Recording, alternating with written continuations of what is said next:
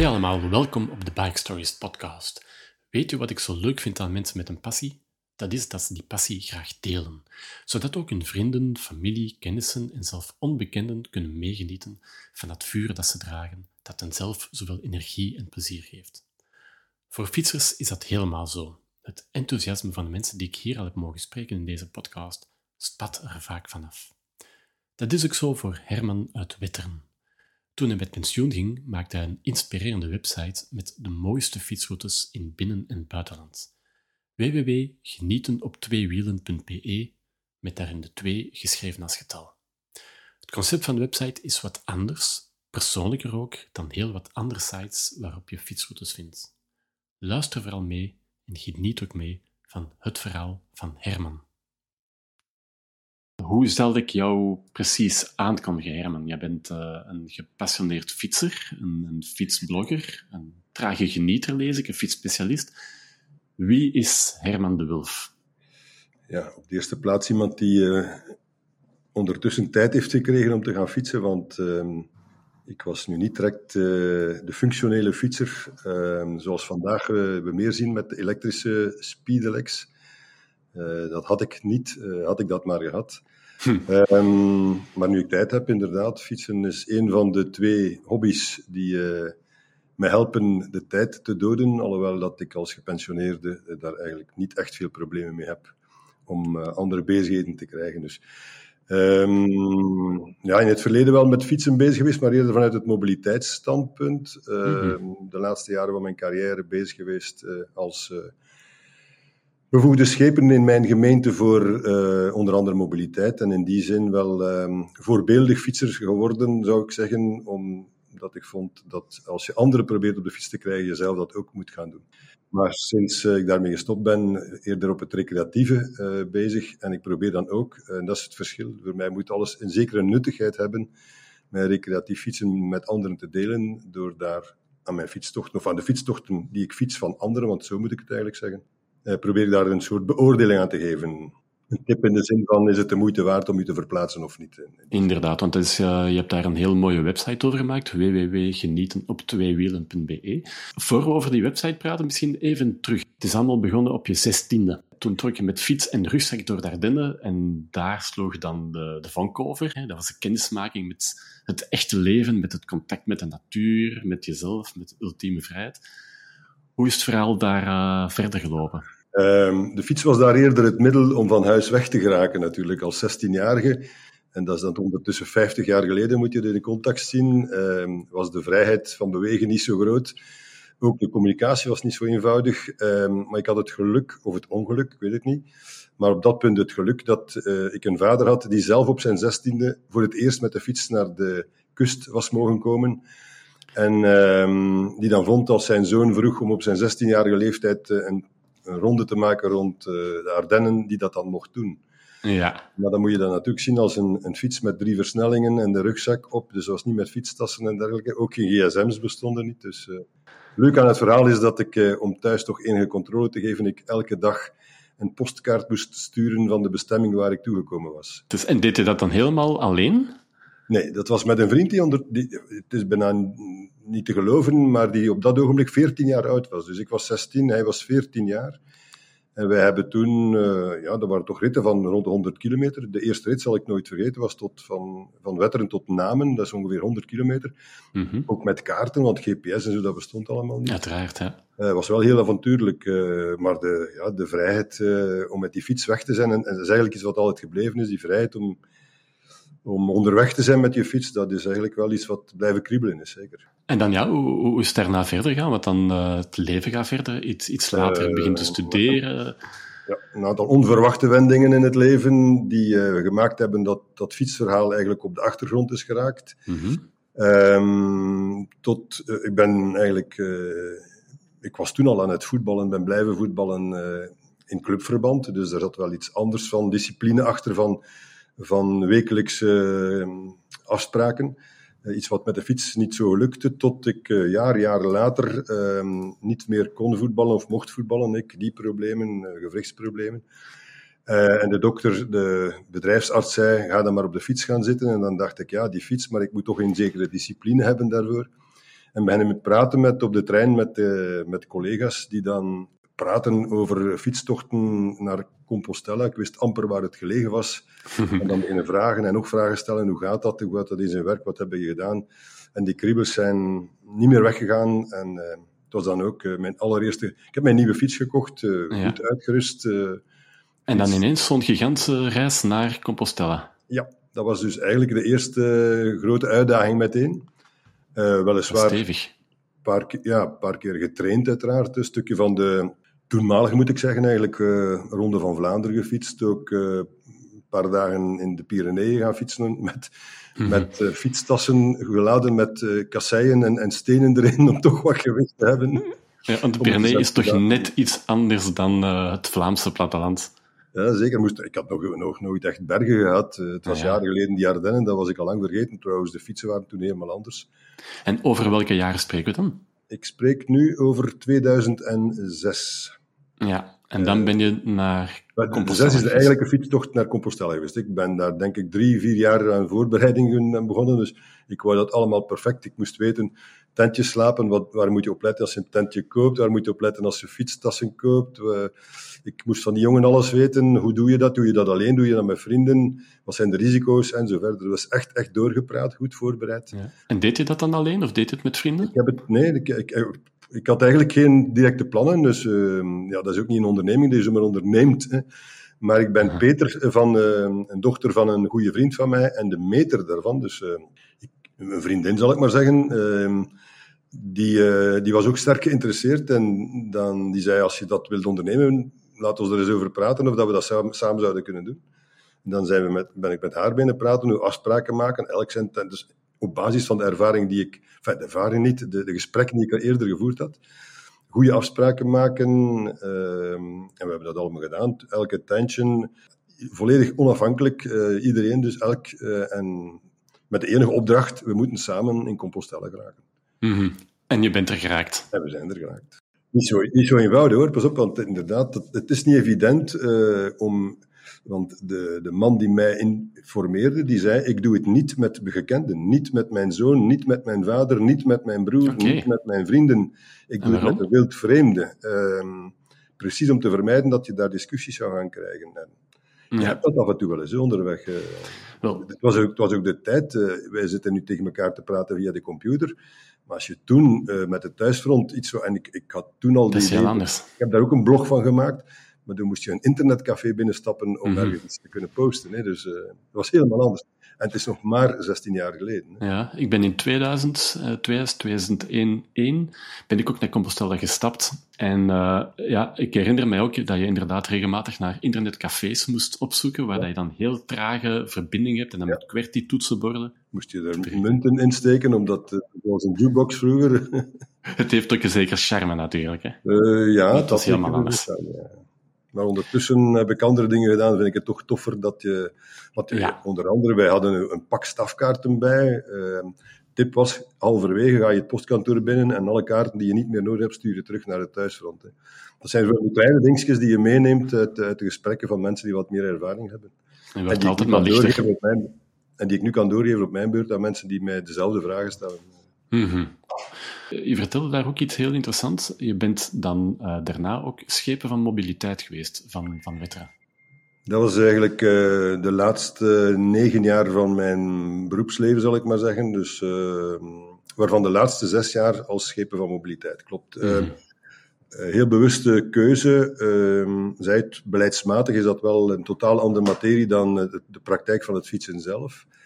Uh, dan moet je eigenlijk uh, gaan proberen antwoorden geven op de bezorgdheden die fietsers uiten en die ik ook vandaag nog uit over slechte fietspaden, gevaarlijke kruispunten en we kennen het verhaal. Um, en dan moet je daar op lokaal vlak dan gaan uh, antwoorden op zoeken, ja. oplossingen voor vinden.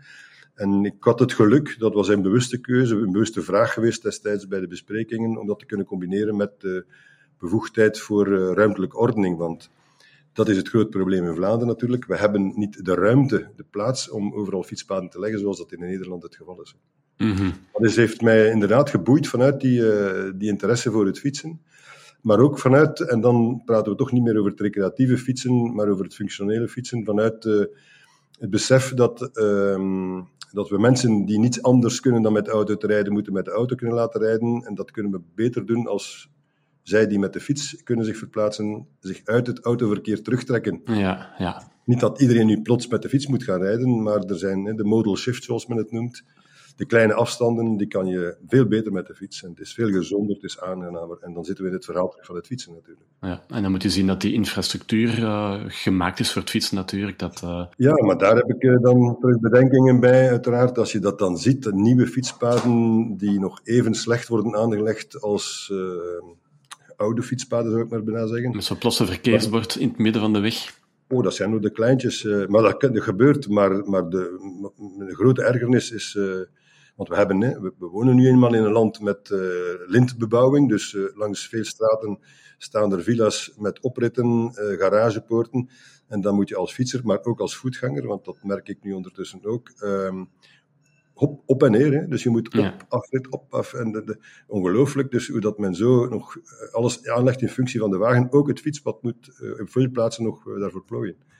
En heb jij dan het beleid of, of de verkeersinfrastructuur in Wetteren, heb je die dan uh, fietsvriendelijker kunnen maken? Um, je kan natuurlijk niet zomaar uh, gaan onteigenen. Trouwens, zes jaar is dan in Vlaanderen veel te kort als je zo'n dossier wilt Korte termijn, ja. Maar uh, toch twee voorbeelden. Ik heb in mijn gemeente de allereerste fietsstraat kunnen invoeren. Um, je moet die heel voorzichtig aanpakken. Ik vind dat men er soms wat te gemakkelijk mee omspringt om publicitaire redenen, promotionele redenen waarschijnlijk, propagandistische redenen bijna. Um, je moet er toch voorzichtig mee omspringen. Het moet dan wel de bedoeling zijn dat de fietser zich daar op zijn gemak voelt. Hè. Dat, mm -hmm. is toch wel een uitgangspunt. En een tweede punt, waar ik, um, ja, het zijn details hoor, maar de fietssuggestiestroken die nogal kritiek kregen. Um, ik vond die allemaal destijds veel te smal. Ik zeg, als een fietser eh, of als een automobilist één meter vandaag, anderhalve meter van mij moet wegblijven uh, als hij mij uh, passeert, dan moet dat fietssuggestiestrook aangeven wat die anderhalve meter naast mm -hmm. mij is. Als ik dan al in het midden van die suggestiestrook rij, ja, dan zijn dat bijna suggestiestroken wat bijna twee meter breed. Eh, de eerste suggestiestroken die ik heb laten heraanleggen in mijn gemeente, daarvan dacht men, verdorie, wij kunnen met onze auto hier niet meer tussen die twee suggestiestroken rijden, want de asfalt, de zwarte asfaltstrook, was op de duur smaller dan de suggestiestroken. Mensen dachten dat ze op die gele stroken niet mochten rijden. Maar dat heeft inderdaad zijn effect gehad. Ik heb daar wel, dus daar waar het in de centrumstraten niet anders kon, hebben we toch uh, het effect gehad. En uh, ondertussen, want ik kreeg daar wel wat kritiek op, was ook niet zo goedkoop, hè, die brede suggestiestroken. Het moest betaald worden allemaal. Ja, maar het is een investering maar, uh, natuurlijk. ondertussen is dat wel de Vlaamse norm geworden, die brede suggestiestroken. En er liggen nog heel veel smalle, maar waar het verandert, verandert het toch in de goede richting. Dat is heel mooi. Waarvoor dank. Ja, en dan, je bent natuurlijk zelf een gepassioneerd fietser en van daaruit ben je dan ook begonnen een, uh, je website te maken, www.genieten-op-tweewielen.be. Vertel eens, wat, wanneer ben je daar precies mee begonnen en waarom, uh, wat was de aanleiding? Op het einde van mijn politieke carrière wist ik dat er een einde ging aankomen en dan dacht ik, wat kan ik nu doen met de ervaring die ik heb? Ik was, um, heb ik niet verteld nog, maar ook bevoegd voor toerisme in mijn gemeente. En in die context uh, zelfs uh, korte tijd voorzitter van Toerisme Scheldeland geweest. Lid van de Raad van Beheer van Toerisme Oost-Vlaanderen. Ik had wel wat netwerken, dus ik dacht, ik moet misschien in die wereld uh, toch iets proberen te doen. Um, maar waar we nu de neiging hebben om het accent op fietsen te leggen, heb ik lang nagedacht over hoe moet mijn website noemen. En daar komt het woord fiets bijna niet in voor. Hè? Dus het, het accent ligt daar eigenlijk op het genieten op ja. twee wielen, omdat het klonk, goed klonk. Maar um, fietsen moet inderdaad genieten zijn. En het is dus meer dan alleen op pedalen trappen. Um, vandaar dat ik ook helemaal geen uh, probleem heb met mensen die omschakelen naar elektrisch fietsen, omdat zij het fysiek niet aankunnen. Het, mm. het is een middel om te genieten van zoveel dingen. En dan komt het verhaal natuurlijk, wat kan fiets, of waar kan de fiets je allemaal brengen? Um, en, en dan begint het eigenlijk het verhaal van het genieten op twee wielen. En daar probeer ik nu net de mensen in te helpen. Want als fietsen om het sporten, wat ik ook graag doe, uh, op de koersfiets rijden, ja, dan kan je dat gerust altijd op hetzelfde parcoursje doen. Uh, dan kan je tijden vergelijken, kan je je gemiddelde, je wattages gaan meten. Dat is een heel andere insteek. Dat is iets heel anders, ja. Iets heel anders. het genieten op twee wielen, ehm, ja, dat ga je toch niet elke week rond dezelfde kerktoren gaan doen, vrees ik ik, ik probeer er toch een andere dimensie aan te geven. Ja. ja, en dat zie je ook, hè, want je hebt daar ook enorm veel werk van gemaakt, want ik vind je website best heel indrukwekkend. Ik weet niet, hoeveel fietsroutes heb je, heb je erop staan? er staan er meer dan 100 op, maar ik, ik publiceer daar ook regelmatig eens fietsroutes op die ik zelf nog niet gefietst heb. Um, omdat, um, één, omdat het aangeeft waar mijn, dat ik ook niet alles kan fietsen of nog niet gefietst heb. Maar twee, ook omdat als je in een bepaalde richting iets gaat zoeken, um, ik een beetje help, probeer te helpen van, als je graag langs het water fietst, dan zal je op het einde van mijn fietsreview ook een aantal suggesties krijgen. En af en toe zitten daar suggesties in van fietsroutes die ik zelf niet gefietst heb, maar die je gerust kunt fietsen. Dus er wordt dan een link gepresenteerd naar de bron van de fietsroute. Meestal zijn dat provinciale toeristische diensten of zo, die uh, fietsroutes hebben en waar je makkelijk de knooppunten over de GPX-file mhm. kunt uh, downloaden. Het enige wat je dan mist is mijn verhaal erachter en mijn beoordeling van de fietsroute. Ik kan dus... En dat vind ik juist het sterke van je website, want er bestaan natuurlijk verschillende andere websites met verschillende fietsroutes, maar dit is een heel persoonlijke beleving. Dus je vertelt natuurlijk wat er allemaal te zien is, Um, maar het geeft ook duidelijk aan de minpunten en de pluspunten. En dat is heel persoonlijk en dat maakt het ook wel um, heel anders dan, dan de promopraatjes misschien die, die fietsroutes kunnen zijn. Ik, eh, ik, ik, weet niet wat er in gelukt ben, maar uh, wat, wat uh, ik um, in mijn achterhoofd had toen ik dat concept heb uitgewerkt, was het idee van de filmrecensies. Ja. Er zijn heel veel films op de markt en dan, als ik als ik al eens naar de film zou gaan, dan ga ik in de eerste plaats eens luisteren naar iemand die dat, de film al gezien heeft en zegt van oké, is dat een leuke film of niet? En dan mag dat persoonlijk zijn, maar dan wil ik ook weten wie dat zegt. dus het is belangrijk dat men ook weet wie dat zegt. Ehm. de ene filmrecensent is de andere niet. Hè? De een houdt van horror misschien, de ander houdt van drama, van comedie. En terzelfde tijd leven we in een wereld van de digitale wereld ik denk dat uh, beoordelingen in C, of het nu van hotels is, evenementen is, uh, wat dan ook, een aankoop van een telefoon of, of welke prularia ook soms, uh, je wordt overal om je mening gevraagd. Dan dacht ik, ik wil dan ook wel met mijn mening kwijt over fietsroutes. Ik, ik heb op mijn website gezegd, ik geef daar sterren aan. En één ster, een fietsroute met één ster ga ik niet eens publiceren, dus ik ga geen ah, slechte fietsroutes gaan publiceren. Ik moet eerlijk zeggen, ik heb er ook nog nooit gereden. Maar ik kan wel aangeven waarom ik iets eh, twee sterren geef of vijf sterren geef. En dat kan voor u heel, helemaal anders zijn, maar als ik dat zeg waarom, ehm, dan kan je dat gerust proberen. Dan kan het best zijn dat mijn twee sterren voor u een vijf sterren worden. Ja, uiteraard. Een van de factoren die natuurlijk eh, geweldig beïnvloed is, is, is de, zijn de weersomstandigheden waarin dat je mm -hmm. fietst. Dus, eh. en wat zijn dan de, de grote selectiecriteria? Ik heb eigenlijk geen selectiecriteria. Het is te zeggen, misschien het belangrijkste criterium is de afstand. Um, uh, doorgaans probeer ik fietsroutes van tussen de 40 en de 50 kilometer, omdat dat denk ik uh, best combineerbaar is met een ander genot, hè, een, terrasje doen, uh, iets bezoeken. Als je fietsroutes fietst van 100 kilometer, ehm, dan ben je de hele dag op de fiets. Ik heb dat ooit, ik heb dat uiteraard gedaan. Ik doe dat ook tijdens mijn vakanties, fietsvakanties wel eens. Maar dan blijft er, rest er eigenlijk veel te weinig tijd. Dus het criterium is de afstand, dat is een zeer belangrijk criterium. Uh, het tweede criterium, dat is vanuit mijn, mijn leeftijd en mijn ervaring. En daar zit ik een beetje moeilijk, omdat natuurlijk mijn generatiegenoten niet de, de generatie zijn die zomaar op, voor alles en nog wat het internet gaan opzoeken. Het, het groeit wel. Nog niet, hè? nog niet, maar misschien uh, later wel, hè? of meer en meer. Ja, maar later, ja. mijn, tijd schuift, mijn leeftijd schuift uiteraard maar mee. Maar de, web, de website blijft bestaan, hè? de website kan blijven bestaan, ja, dat, dat is zeker vast. Maar de fietsroutes wijzigen toch wel. Maar het tweede uitgangspunt is inderdaad, ik probeer fietsbelevingen te beoordelen vanuit iemand die, ik zeg het maar voorzichtig, 50-plusser is. Dus ik ga niet het bekijken vanuit het standpunt van een gezin met jonge kinderen, met de fietskar achteraan, waar dan eh, de baby of de, de kleuter in zit. Van die optiek doe ik het niet. Ik, ik heb er ook geen ervaring mee. Dus mhm. iemand die mijn fietsroutes beoordeelt, moet zeggen dat is iemand die wel elektrisch fietst, maar doorgaans kan je alles bijna combineren. Um, maar bijvoorbeeld een klein detail uh, dat, dat je merkt in mijn beoordelingen. Ik ga het niet alleen hebben over de moeilijkheidsgraad, uh, die vaak um, iets zegt over de hellingen, het, het glooiende, al dan niet glooiende karakter omdat zelfs voor mijn generatiegenoten die daar al problemen hebben met hun elektrische fietsen, dat geen probleem meer is. Maar wat ik wel voor, uh, merk, ook met die elektrische fietsen, is de behendigheid is niet altijd zo, uh, zo goed. En als je dan door heel smalle, en in Vlaanderen gebeurt het wel eens dat je door heel smalle, links prikkeldraad, rechts prikkeldraad, ja. door heel smalle steegjes moet, en als die afstand te lang is, wat je zou moeten bijna een paar honderd meter wandelen te voet, dan zeg ik dat is een gevaarlijke. Mm. Hier moet je toch wel een behendig fietser zijn om dan dit te kunnen.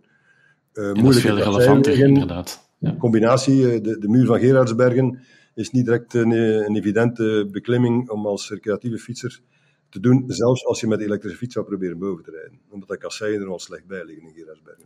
Als ik dan uh, naar je website ga, dan kan je zoeken. Hè, dus als je, je, kunt zoeken op bepaalde trefwoorden, je kunt zoeken op uh, selecteren op aantal sterren, je kunt zoeken op regio, op soortroute, afstand zelf van 24 tot 3360 kilometer. Want het gaat dan ook om fietsroutes die uh, meerdere dagen kunnen duren. Ja, ik, uh, voor mij is het bijna een must dat ik toch een paar keer per jaar een meerdaagse fietsroute rijd. Ik probeer ook onze fietsvakanties, maar dan moet ik zeggen onze natuurlijk, want dan moet ik rekening houden met mijn partner. Maar mhm. dat we uh, toch, toch proberen jaarlijks een fietsvakantie te doen. Um, en dat ook in het buitenland te doen. Eh, de fietsbeleving voor vakanties. En dat betekent natuurlijk niet uh, dat je altijd van thuis uit met die fiets vertrekt. Dus je gaat dan ook de wagen gebruiken. Dus je hebt al ja, iets, iets nodig om je fiets te, te transporteren. Hè. Dat kan uiteraard ook in de auto, afhankelijk van het, type wagen dat je hebt. Maar ik, um, ik probeer ook inderdaad wat de fietsvakanties te promoten. Ik vind dat je. Het, het, is, het, het doet mij de vergelijk, denken aan de vergelijking met skivakantie. Als ik ga, ga skiën, dan denk ik dan maar aan één ding als ik s'morgens opsta, dat is aan skiën. Dat, ik heb, ik, er zijn geen discussies over wat gaan we vandaag doen. Uh, met de fietsvakantie is net het eender. Uh, je staat s morgens op en je weet, oké, we gaan op de fiets. Uh, of het ver wordt of niet ver wordt, dat zal van, van, van veel mhm. factoren afhangen. Wat je onderweg tegenkomt, de weersomstandigheden en zo, maar je gaat fietsen. Ja, Zelfs als je een dag de rustdag inlast, dan is het bijna van, ja, jammer dat we niet gaan fietsen. Hè. En ik, ik merk ook dat, dat daar wel meer vraag over is. Fietsvakantie is niet zo evident voor veel mensen. Nog minder evident uiteraard dan dan fietsroutes te fietsen. Ehm, de verplaatsingen, hoe doe je selectie, hoe doe je dat? Dus ik probeer daar ook uh, wat antwoorden op te geven. Ik geef meestal mee hoe ik het gedaan heb. De, ja. de afstanden, ook daar ga ik, uh, ben ik gezakt. Vroeger hadden wij gemiddelde van 80, 90 kilometer per dag. Ik probeer dat nu te beperken tot 50, 60, omdat er dan tijd overblijft om iets anders te doen. Mm het, moet alleen, het moet meer dan alleen maar fietsen zijn, vind ik. Het, het blijft, ja, het gaat om genieten. Hè? Genieten op de fiets en alles wat erbij komt perfect, ja. En, en dan, dan als je, eens je dat, dat kunt, eh, weersomstandigheden zijn bijkomstig, daar, daar moet je natuurlijk rekening mee houden. Dus je altijd je fietstas aan de fiets hangen, altijd je regenjas bij hebben, eventueel je regenbroek eh, als het wat kouder is, altijd bij hebben. Ehm, maar als je met de fiets onderweg bent, dan, dan nu is de herfstperiode, genieten van die, die, die bladerval, van die prachtige kleuren dat je dan ontmoet.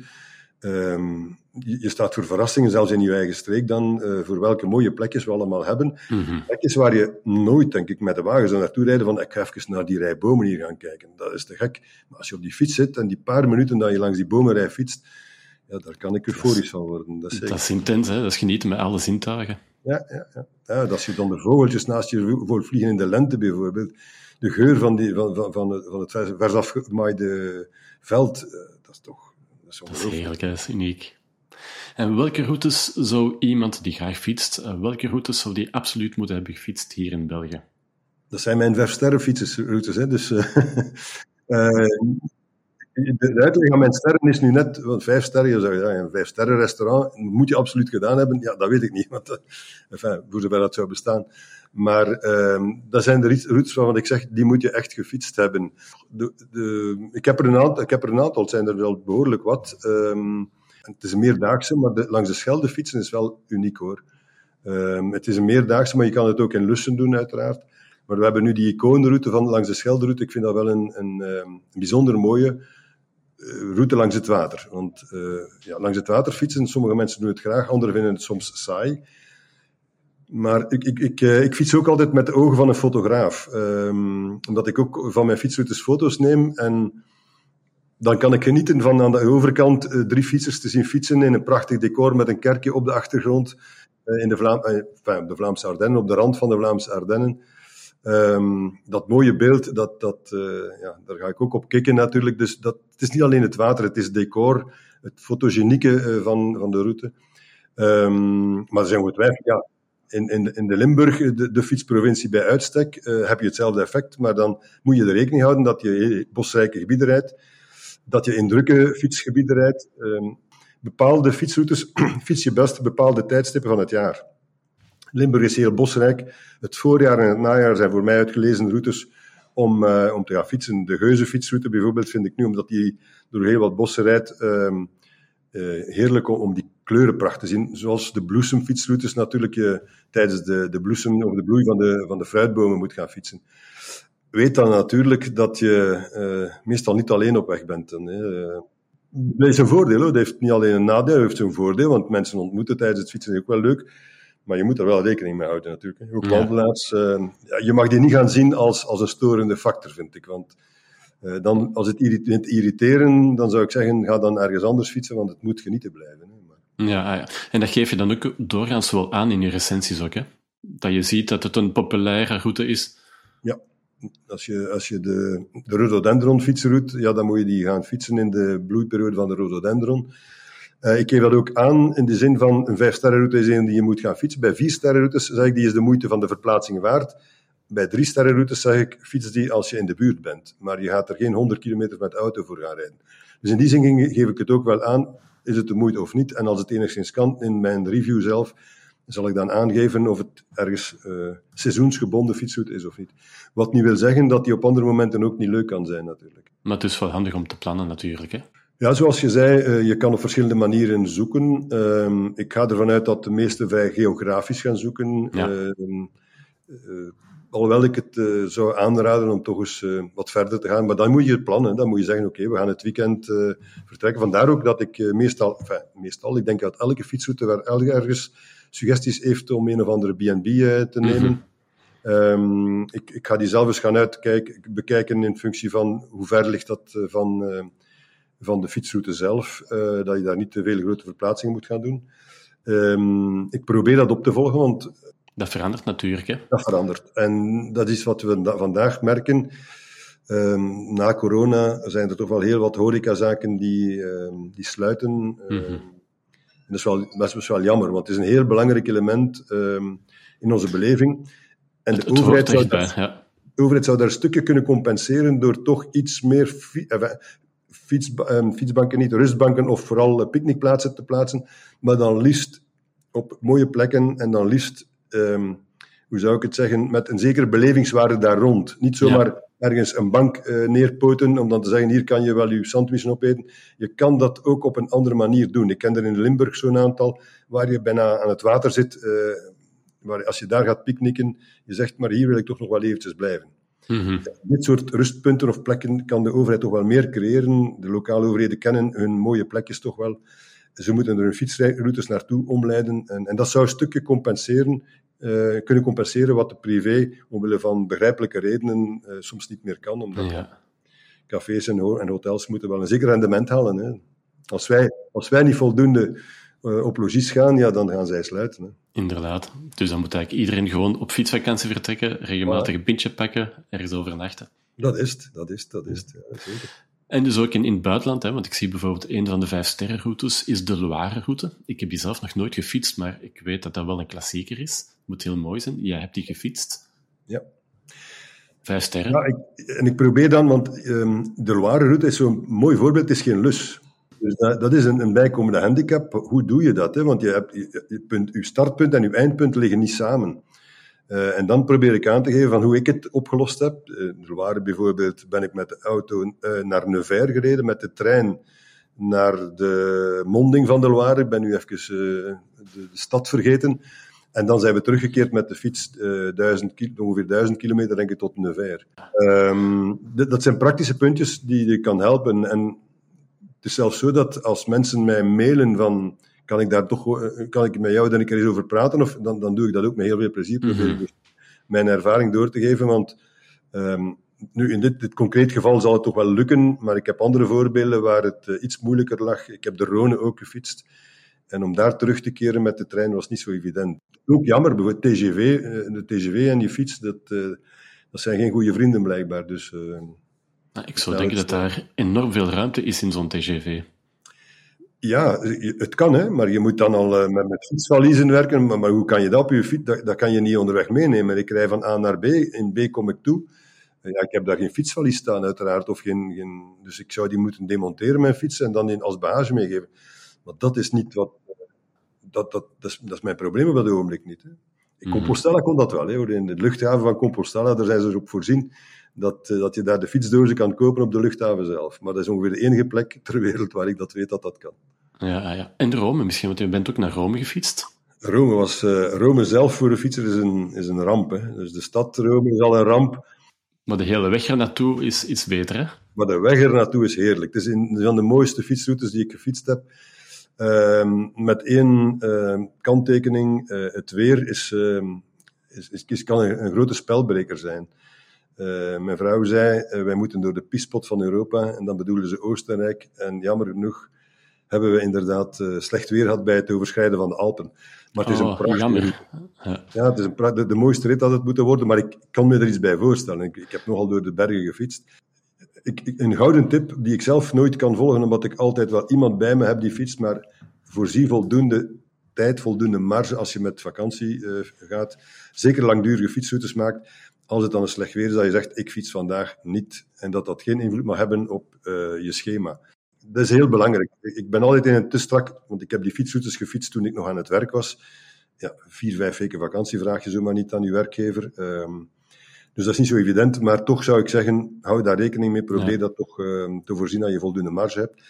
En focus niet constant op elke dag fietsen. Maak dat je onderweg ook eens een rustdag hebt. Niet om te rusten hoor, dat mag natuurlijk, maar, maar vooral om iets te bezoeken. Je passeert zo mooie plekken, zo mooie steden. Uh, dat je ook tijd moet nemen om die stad eens te gaan bezoeken uh, op een andere manier dan met de fietsen. Ja, en niet te lange afstanden op één dag dan inderdaad, zeker dat je die niet, marge hebt, dat je die ruimte hebt om, om ja, zeker. Trouwens, in mijn voorbereiding naar mijn allereerste uh, grote fietsroute 2006 naar Compostela, had ik um, gesprekken met, tijdens mijn opleiding, of opleiding, management seminaries die ik toen kreeg met een Indiaans uh, consultant coach eigenlijk, een, van Indiaanse afkomst. En die zei, je moet, je moet heel traag bewegen en voelen hoeveel mensen er al langs die weg gepasseerd zijn, zei op zijn Indiaanse manier. Uh, maar het heeft er wel iets van dat je dus moet, moet heel traag bewegen. En dan, dan heb ik soms wel kritiek, tenzij je dat voor de sport doet. Maar ga niet met je koersfietsen 14 dagen naar Compostela fietsen, is dan mijn advies. Uh, maar kies dan een andere fietsroute daarvoor als je snel, snel wilt gaan. Maar dit soort fietsroutes, zoals de Rome of de Loire, die echte vakantieroutes, zorg dat je daar rustig, ja. traag tijd kunt voornemen. En doe dat niet rap, rap. En dan, ik heb dat in 22 dagen gekund en jij doet dat in 42 dagen. Dat maakt geen indruk op mij. Integendeel, als je het omgekeerde vertelt, dan zeg ik, ja, prachtig, je hebt, het, uh, je hebt er kunnen van genieten. Je, je gaat allee, snel, snel tot in Lourdes fietsen, of dat zijn van die klassiekers, of naar Compostela fietsen. Nee, dat zijn bedevaartsroutes, oude bedevaartsroutes die je per fiets nu wel kan doen. Want eigenlijk is te voet, zoals je zelf uh, het gedaan hebt, te voet eigenlijk de ideale mm -hmm. beweeg, uh, de ideale manier om het te doen. Maar de fiets is een mooi, een mooi uh, zeker als je het van thuis uit kunt doen. Het idee alleen dat je thuis vertrekt en een maand later sta je daar op, op het, in het Vaticaan, bijvoorbeeld met die fiets. Dat is ongelooflijk. Dat zijn de ja. indrukken die ik nooit, nooit zal vergeten. Dat is, en wat, was dat dan via de, de Via Francigena? Uh, ik, dus die bekende uh, pilgrimsroute die naar Rome gaat. De, ik heb de route gefietst van Rijtsma. Uh, ik weet niet ah, wat die de, de route van ehm, de klassieke route zo volgt, dat weet ik niet. Uh, ik heb die uiteraard niet vanuit Amsterdam gefietst, want hij fietste dat vanuit Amsterdam. Ah, ja. um, maar ik, ik, ik, durf het niet zeggen. Ik weet niet welke. De Compostela-routes, dat weet ik wel welke. Ik, heb die twee keer gedaan ondertussen. Ik heb die twee op, keer op een verschillende manier gedaan. Die zijn bekender uh, ook, hè? Die zijn, um... die zijn bekender, ja. ja. De namen, de, de, de, enfin, vooral de, het, het, Spaanse deel, dus de, de klassieke. Ja, uh, Camino Frances. De, de Franse, ja, de Camino Frances, dus de Franse route eigenlijk, die is het meest gekend. Ook, ook naar mijn aanvoelen een van de mooiste trouwens. Mm -hmm. Ik heb de Camino del Norte ook gedaan met de fiets, maar ik denk dat dat beter te voet is dan met de fiets. Niet zo echt uh, een aanrader met de fiets. Ik heb toevallig een paar weken geleden ben ik nog, ben ik, um, nog naar Compostela gestapt via de noordelijke route, de Primitivo. En die is heel mooi om te stappen, maar die zou ik niet aanraden om met de fiets te doen, omdat die ja, daar niet voor geschikt is. Ik dacht ook dat langs de Spaanse kust fietsen vlakfietsen ging zijn, maar dat is een vergissing dat je niet mag. Toch een verrassing. ja, geen leuke verrassing, nee. Maar dat vergt wel als je met de fiets onderweg bent, af en toe creativiteit. Je moet, je, je, mag je nog zo goed voorbereiden. Af en toe moet je kunnen aanpassingen doen. Het is niet alleen aan het weer, maar soms ook aan de route. Mm -hmm. ook wegenwerken, hè. dat zijn zo van die klassiekers. Als plots een brug weg is waar je over moest, ja, dan kan het wel eens gebeuren dat je 20 kilometer kunt omrijden. Hè. En zeker ja. in een bergachtig gebied. Dat is niet zoals hier in Vlaanderen, dan zegt, oh, twee kilometer verder vind ik wel een nieuwe brug. nee, daar is het net iets anders. Maar dat maakt het ook mooi, hè, want ik vind met, met de fiets, ja, je moet er meer voor openstaan voor die verrassingen. En vaak worden dat dan de hoogtepunten van de route. Dingen die je totaal niet zegt. Ja, ja, zeker, zeker weten. Ja, zeker. De grote hoogtepunten, als je het allemaal alles kunt bekijken op je, op je computerscherm, dan is de verrassing uh, al een deel weg. Uh, maar het, het, mag ook niet te makkelijk zijn als je inderdaad nee. de Pyreneeën overrijdt en je staat er in de hoogte met je fiets. Dan is de combinatie van het zicht en de inspanning die je hebt moeten leveren om tot daar te geraken. Het is die combinatie die je euforisch maakt. Hè. Ja, hoe meer je afziet, hoe, hoe, hoe, intenser het moment. Ja, en dat is relatief dat afzien, hè, want dat kan... Het is afzien en genieten, hè? Wel ja, maar dat afzien kan dus, ja, voor de een kan dat inderdaad uh, twee keer niks zijn, een goed getraind iemand, voor iemand anders. Mensen met een handicap die uh, op de fiets gaan, die uh, chapeau als je dat kan gaan doen, maar die inspanning ligt wel helemaal anders natuurlijk. Ja, absoluut. En fietsen verandert je leven natuurlijk. Hè. Dat is een, een, cliché, maar het klopt wel. Want op de fiets, uh, jij bent door Zuiderse landen getrokken. En daar kwam je in contact met iets wat zou uitgroeien tot een andere grote passie. Vertel me, wijn. wat is je lievelingswijn? Uh, een lekkere Spaanse rode. Uh, La Rioja? Nee, nee, nee, nee, nee, nee, nee. Dat is nogal de voor de hand liggend. Ja, uiteraard. Uh, nee, nee, ik, uh, ik heb... Um, in, in, mijn witte zou ik naar de Galicische Albarino's gaan, in de rode... Um, oh, de, de Prieto Picudo bijvoorbeeld. Dat zijn zo van die heel... Ja, de Tempranillo-drijf, ja, we kennen die allemaal wel, denk ik, als je iets van Spaanse wijnen kent. Mm -hmm. Maar we zitten sowieso, als je, als je die namen noemt, in het noorden van Spanje, en dan ben je inderdaad... Uh, ja, ben je ondertussen ook met als je met de Camino fietst, dan kom je door de wijnregio's uiteraard, hè, van het noorden. Een heel mooie wijnstreek is de Bierzo, hè, de, vlak voordat je Galicië binnenfietst of binnen wandelt, mm -hmm. heb je de wijnstreek van Bierzo, een prachtig klein wijngebied met heel mooie wijnen. Um, ja, dat is schitterend als je natuurlijk... De Bordeaux ben je dan ook al gepasseerd, uiteraard. Ja, ja, ja. Het is eigenlijk een culinaire route. Ja, het is, het is een, dat hoort het is bij het genieten natuurlijk. Het is wel een, een, cultuurroute, uiteraard. En culinair aspect is een deel van onze cultuur, uiteraard. Maar wijn, ja, dat is eigenlijk een heel ander verhaal, hoor. Um, was die tweede passie waar ik daarvan sprak. Um, mm -hmm. Het is niet de wijn, het is eigenlijk Spanje. Uh, okay. Bij uitbreiding is het Spanje um, die mij ja, bij de keel heeft gegrepen, zal ik maar zeggen. Uh, in al zijn facetten. Enerzijds, het is een prachtig land om op vakantie te gaan en dan niet naar de Costa's. Ik ben geen Costa-liefhebber en ik ben zeker geen liefhebber van het idee dat Spanje de Costa is. Uh, Spanje is veel, veel, veel meer dan dat. Absoluut. Het binnenland, uh, het noorden, het zuiden, Andalusia, schitterende regio's. Ehm, ik ben ook Spanje-liefhebber omwille van de, ik zou bijna zeggen, de historische banden die Spanje heeft met onze contraien hier. Uh, je zal mij dan minder horen zeggen dat we bezet zijn geweest door de Spanjaarden. Dit heeft een andere historische achtergrond. In mijn... We zijn omarmd geweest door de Spanjaarden. Uh, we zijn ja, overerfd geweest, ja. omarmd. Um, geweldig beïnvloed in elk geval daardoor. Um, dat betekent ook dat de mensen mij heel nauw aan het hart liggen. Um, omdat ik het gevoel heb dat Spanjaarden heel dicht bij onze vrij directe natuur liggen. Wij zijn nogal Vlamingen, zeker Nederlanders, maar als je een beetje een Vlaams-Nederlander bent, of, um, dan we hebben nog een directe stijl. We zijn zo niet uh, de Latijnse uh, mensen die uh, mm -hmm. veel om maken om iets uit, duidelijk te maken. Spanjaarden hebben dat ook niet. Die zeggen zelfs van ons dat we veel te veel dank u zeggen. Dank u, dank u, dank u. Ja, dat is een heel oprechte. En dat heeft mij erbij gebracht dat je natuurlijk met Spanjaarden moet kunnen converseren. Dan ben ik ook Spaans gaan studeren, al jaren geleden, nog lang voordat ik... Uh, dus ik kon al Spaans toen ik naar, naar Santiago fietste. Dat helpt natuurlijk. Wat een, een, extra beleving is geweest natuurlijk, want ik kon dus wel in de Barkes uh, uitleg vragen. Heeft wel heel veel uh, geholpen ook, moet ik zeggen. Maar dus ja, ik ben een Spanjofiel en de wijn is uiteraard, ja, als je dan ook nog het, het grootste wijnland ter wereld ehm, bent als Spanje, dan moet ik het corrigeren door te zeggen in bebouwde oppervlakte, uh, enfin bebouwde wijnstokken uiteraard, niet in productie. Maar als je dan het grootste, een territorium, grootste wijnland bent, ja, dan heb je toch alles met Spanje. Mm -hmm, het enige wat ik nog te weinig doe, is uh, in Spanje gaan fietsen. En dat heeft veel met het klimaat te maken natuurlijk. Ja, met het klimaat. En ook, um, Spanje is niet direct een fietsland. Het is geen groot fietsland, maar het heeft wel grote fiets... Maar ook grote fietsverdetten opgeleverd. Hè. Dus in die zin moet ik toch eventjes nuanceren. Je kan het ook niet vergelijken, maar Frankrijk en Duitsland vergelijken we ook niet. Alhoewel Frankrijk nu met zijn voie verte geweldige inspanningen doet om Nederland, zal ik maar bijna zeggen, bij te benen, vond ik het toch ook prettig fietsen langs de landwegen van Frankrijk, omdat je daar heel weinig verkeer hebt.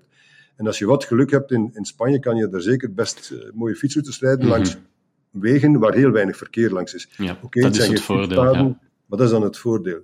Uh, nadeel is natuurlijk dat uh, de wegen niet vlak zijn en de temperatuur. Uh, zeker in de zomer. Ze hebben daar zeker een paar mooie fietsroutes die ik zeer graag nog eens zou willen fietsen, die zeker nog op mijn plannetje staan. Maar ehm, ja, ik zal even op de rem moeten gaan staan als het over mijn verjaardagen gaat. Ik zal even moeten, hm. in plaats van een indexsprong, een keer een verjaardagsprong moeten kunnen doen.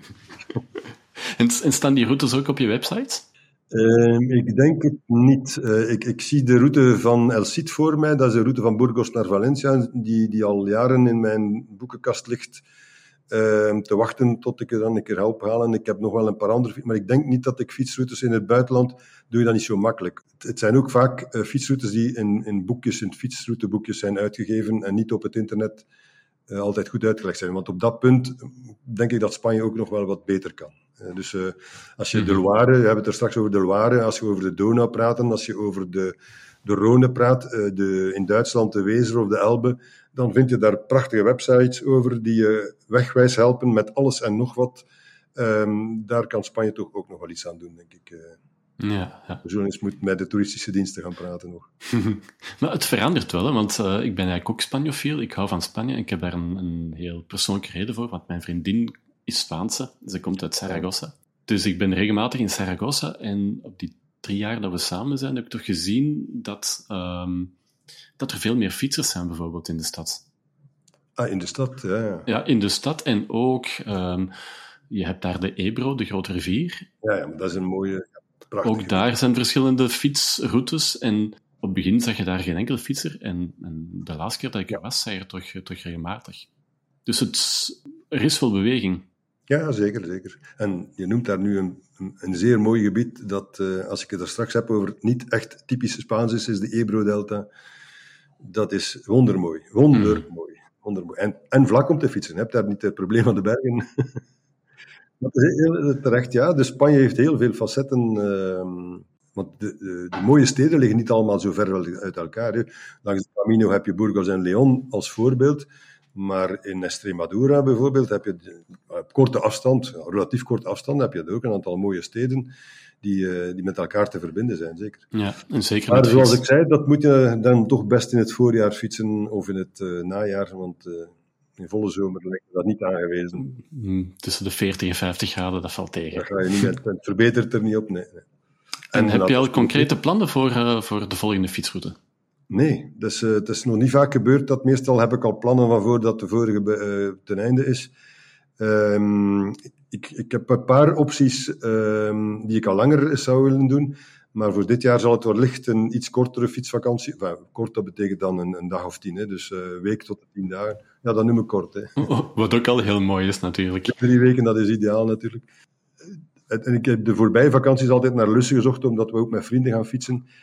Um, dus ik zou graag eens terug een, een, een lange afstandsfietsroute fietsen. Maar dat vergt dus um, wat meer voorbereiding, omdat ja. Uh, ja, die transporten ook moet organiseren. Uiteraard. En ik heb, uh, ondanks het feit dat ik een ervaren fietser ben, nog eigenlijk uh, geen ervaring met die fietsbussen en zo. Dus misschien moet ik daar ook eens aan denken.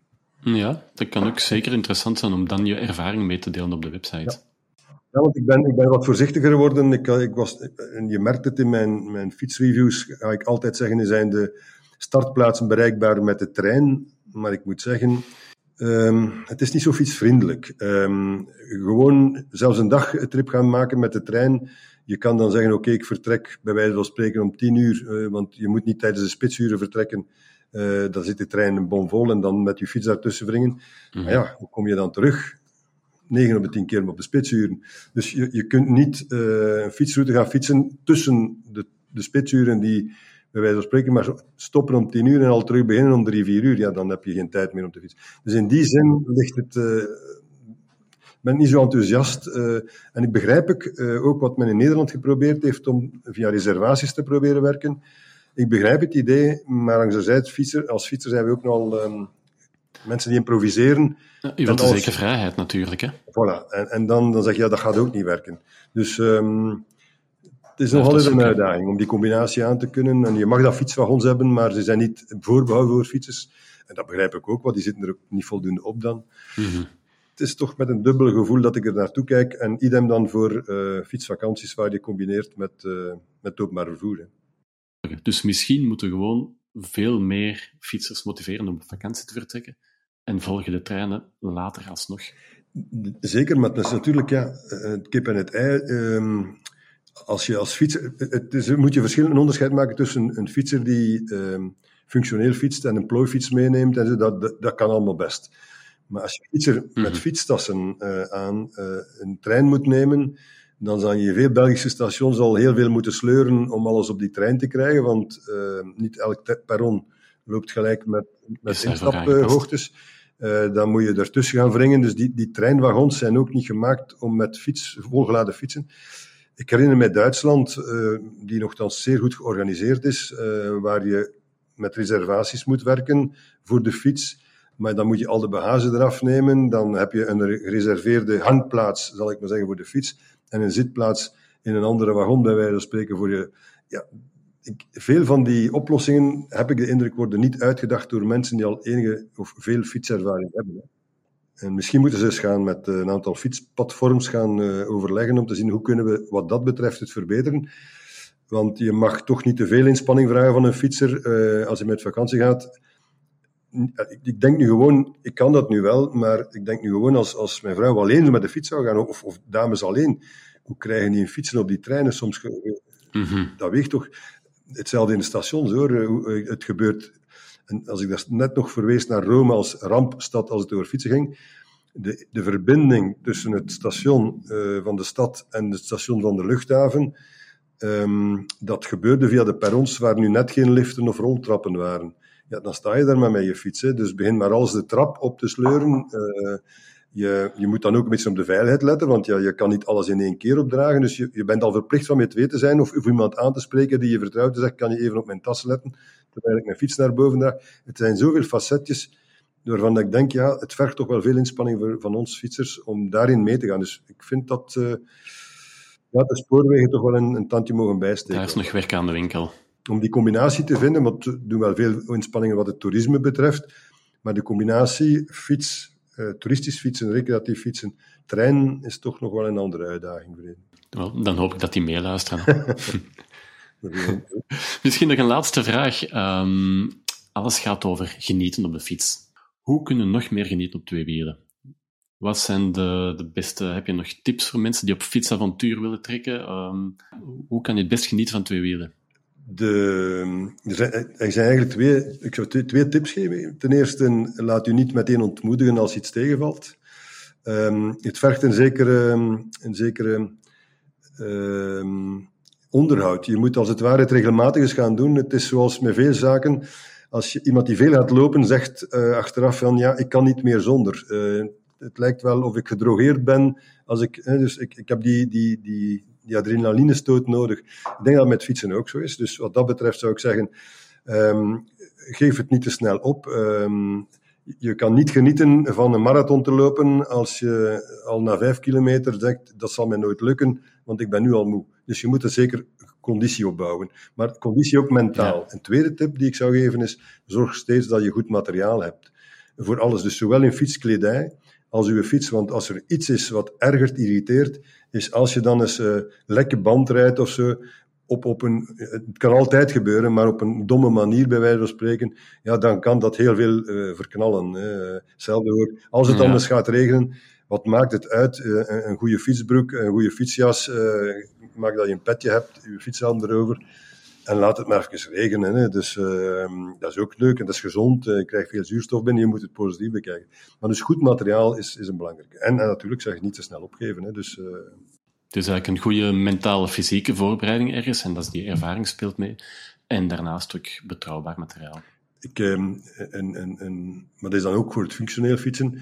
Als je je auto in de garage staan hebt, zorg dat de fiets voor uw auto staat en niet achter uw auto staat. Zodat je eerst je fiets moet wegnemen om met de auto weg te kunnen, in plaats van omgekeerd dat de auto eerst weg moet voordat je met de fiets weg kunt. Dat zijn zo van die kleine dingetjes. Betrouwbaar materiaal en een degelijke voorbereiding. Dat is de basis voor een goede fietsvakantie. Voor dat eerste beveel ik je graag www.backstories.be aan. Voor het tweede kan je terecht op www.genietenoptweewielen.be met de twee als getal geschreven. Zeker kijken nemen op beide sites. Herman geeft verrassend veel fietsroutes, uitvoerig beschreven en daarbij ook heel veel nuttige, praktische tips. Ideaal dus om nu al je volgende fietsvakantie te beginnen plannen. Heb je zelf een verhaal dat je graag deelt? Geef ons een seintje. Surf naar www.backstories.be en we luisteren heel graag naar jouw persoonlijke fietsverhaal. Niet twijfelen, gewoon doen. Tot binnenkort.